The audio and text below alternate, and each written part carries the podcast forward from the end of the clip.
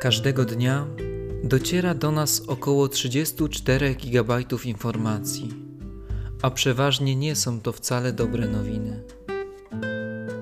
Ciągle docierają do nas wiadomości o kolejnych przypadkach zakażeń, o katastrofach i skandalach.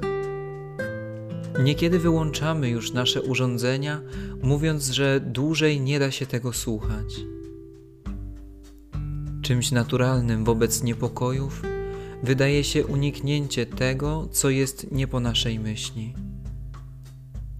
Chwilowa ucieczka od problemów, zdystansowanie się od codzienności, poczucie, że znowu się udało, że nie trzeba teraz o tym myśleć.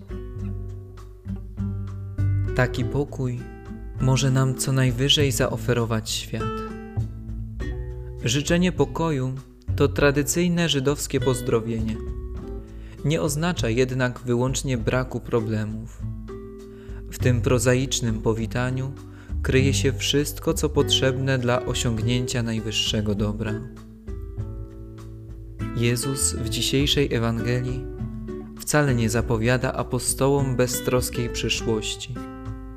Przeciwnie, przygotowuje ich zawczasu na to, co ich czeka.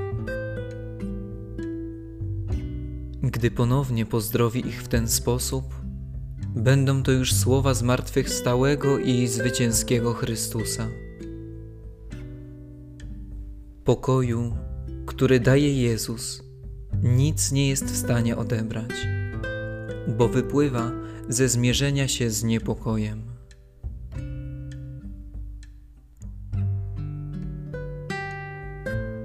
O co prosisz Jezusa? By oddalił od ciebie trudności, czy raczej by pomógł ci odnieść nad nimi zwycięstwo?